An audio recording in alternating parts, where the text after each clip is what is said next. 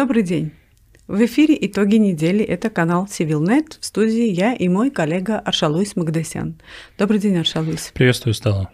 А, Аршалуис, давай сегодня побеседуем о том, что происходит сегодня внутри страны, внутриполитический аспект.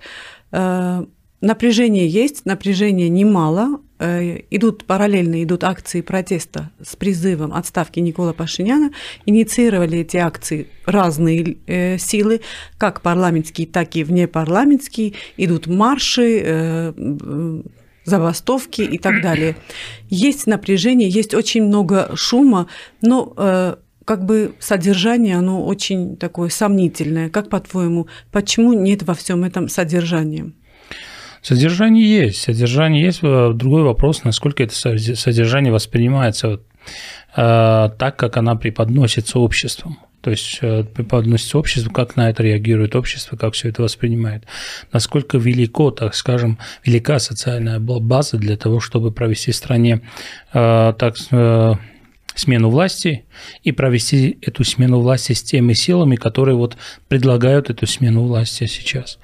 В данном случае содержанием является или попытка, предпринимается попытка э, делать э, содержание всего этого процесса центром э, протестного движения или генерации протеста против власти делается карабахский вопрос, карабахская тематика Безопасность. безопасности, что вот если эти власти останутся, они сдадут и Карабах целиком, они откажутся от Карабаха и так далее. Этому способствует, конечно, нынешняя риторика власти, их сподвижников о том, что вот мы будем снижать там планку, планку по статусу Карабаха и всячески пытаются Э, так скажем, оправдывать свою э, внешнюю политику, даже иногда делая достаточно спорные заявления относительно переговорного процесса тех документов, которые были приняты. Есть также попытки пересмотреть вообще всю историю Карабаха. Да, да, потому что если до войны Пашинян всячески пытался быть, э, так скажем, ярым, ярой личностью или ярым человеком, который вообще не намерен уступать ничего, и даже говорил о том, что Армения, Карабах – это Армения и все. Сейчас вообще другая, обратная сторона этого процесса, этого всего, обратная, так скажем, противоположность всего этого, крайность в данном случае. И эту крайность они пытаются всячески оправдывать, э, почему придерживаются именно, именно этих взглядов. Ну, бог с ними. Э, это все, конечно, способствует тому, чтобы э, нынешняя оппозиция попыталась генерировать, сгенерировать протест против власти. Но что она предлагает? А, вот, вот она, предлагает, она предлагает следующее. А, если, когда мы угу. с вами их спрашиваем, да, как журналисты, что вы предлагаете, они говорят ровно практически то же, что Никол Пашинян. Вот мы с нашими внешними, внешнеполитическими партнерами, в первую очередь с Россией, будем попытаться делать то, все, 30 чтобы в итоге Карабах не оказался в составе Азербайджана, и чтобы, э, так скажем, безопасность Карабаха и всего Армении была усилена. А когда говоришь, ну, Никол Пашинян, в принципе, то же самое, говорит, что вот посредством э, кооперации с внешнеполитическими игроками мы постараемся э, делать все то, что необходимо для того, чтобы, так скажем, была в первую очередь обеспечение безопасности и, э, так скажем, права живущих в Карабахе армян. Они говорят, да, но мы сделаем это лучше но, мы, но у нас компетенции больше. И мы, в свою очередь, свое время сделали, и сейчас тоже все это попытаемся сделать. То есть э, путь тот же, содержание Карабах. Методы те же методы, на данный момент? Методы те же, абсолютно те же методы. Да. У тебя есть это шесть... дежавю? А, у, не только у меня, да. дежавю есть, есть у многих. А, в плане методов, в плане да, проведения вообще политических технологий, угу. они иногда, иногда вообще, ну, так скажем, они, они, они иногда, и лозунгов тоже, иногда они просто сопоставимы угу. просто идентичны, повторяют друг друга, но пытаются, так, так скажем, придать этому всему другой окрас, а, другое содержание и посредством этого сгенерировать процесс. Просто здесь нужно помнить одно. А, в Армении всегда, конечно, Карабах был самым предметным а, вопросом в армянской политике, которая эмоциональным предметным вопросом. Спекуляции да, также, если Конечно, вокруг которого, которого шли, так скажем, подковерные политические бои всегда. Угу. И это был центром, Карабахский вопрос был центром э, того дворцового э, переворота, который случился в 1998 Спасибо. году. То есть в центре власти всегда был Карабах. Карабах способствовал тому, смены власти и так далее и тому подобное.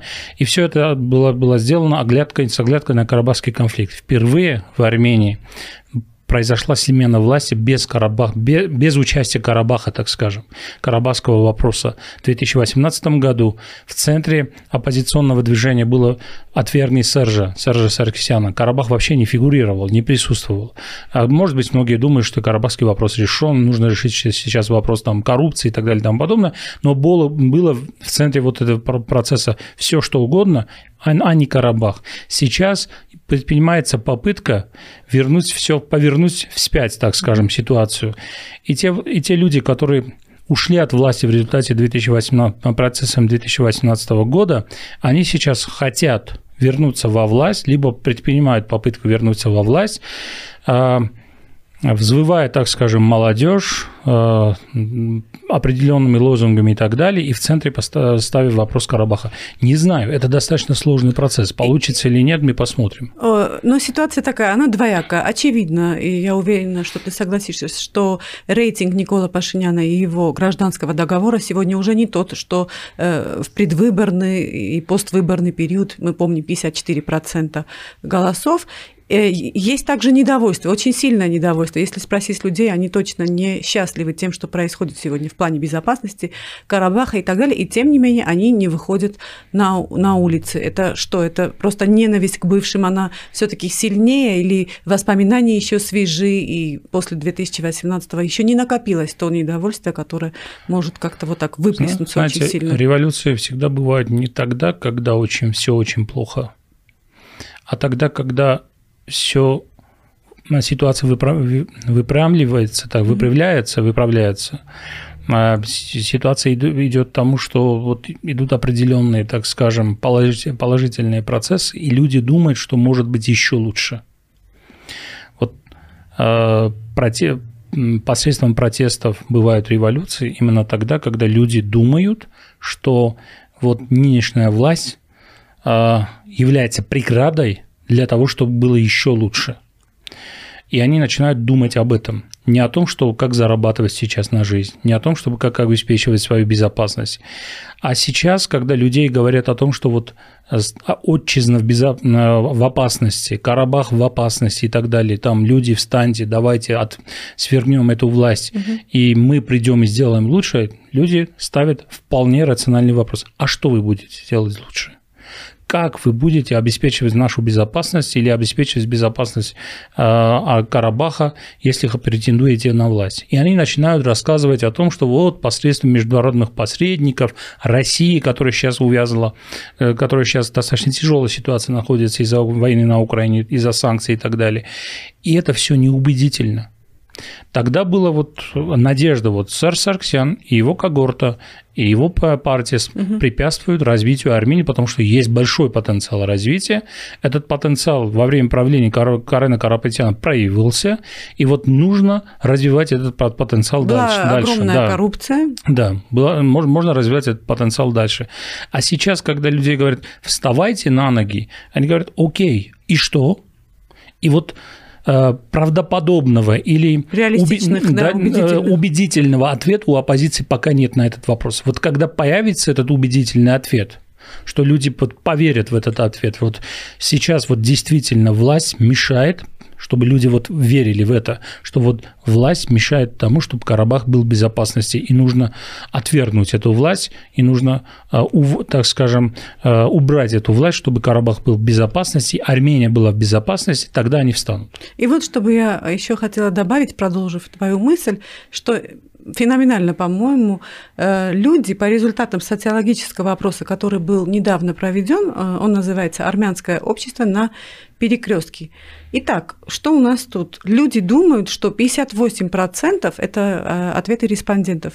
58% людей думают, что в поражении в войне виноваты бывшие власти, то есть предыдущие до 2018 года, и только 28% думают, что виновата нынешняя власть, и 17%, что лично Никол Пашинян. Это же правда очень удивительно. Люди думают, что в поражении в войне виноваты не нынешние власти, а бывшие. То есть они все-таки связывают вот то, что мы сегодня имеем, они все, все это связывают с тем, что было до 2018 года. И это был всего лишь логический такой конец, развязка.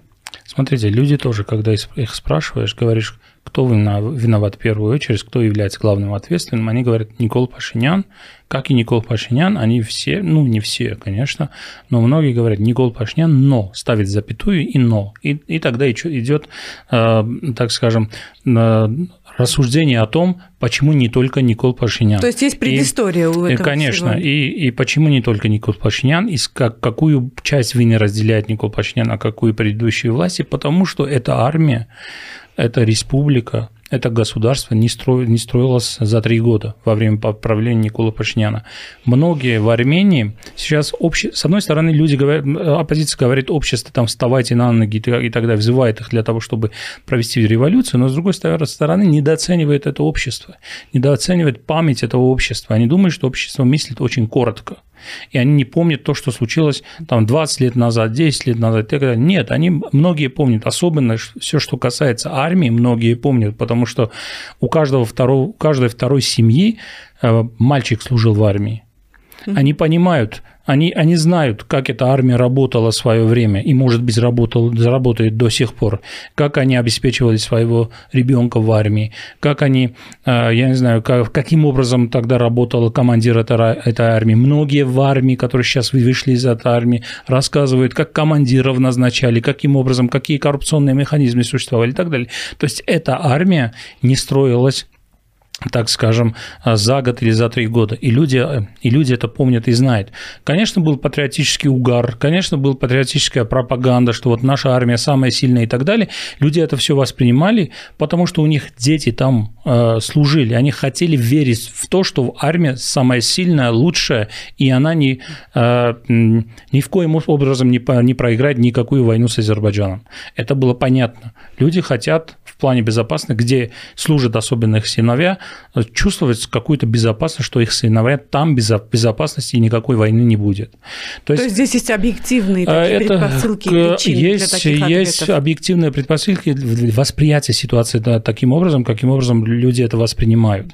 Э, и э, если вот эти цифры накладывать на те цифры, которые мы получили в результате парламентских выборов, угу. то мы получаем где-то идентичный результат. Зеркально. Зеркально. 20 угу. с чем-то процентов получила э, самая крупная политическая единица Роберта оппозиционная Роберта Кочаряна, угу. блок Армения, и 7 с чем-то получил, даже недополучил 7 с чем-то. А вот в результате тех механизмов, которые существовали, получил эти, в результате бонусов, да, получил эти 7% голосов голосов.